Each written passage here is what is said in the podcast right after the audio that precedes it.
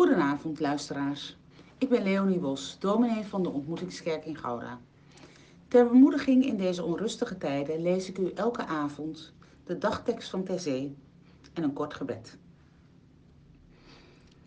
Christus is voor allen gestorven, opdat de levenden niet langer voor zichzelf zouden leven, maar voor Hem die voor hen is gestorven en is opgewekt.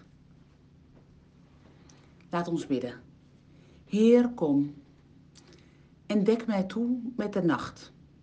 Spreid uw genade over ons uit, zoals u het beloofd hebt. Uw beloften zijn meer dan alle sterren aan de hemel. Uw genade is dieper dan de nacht. Heer, het wordt koud. De nacht van deze aarde komt, met een adem van de dood. De nacht komt, het einde komt.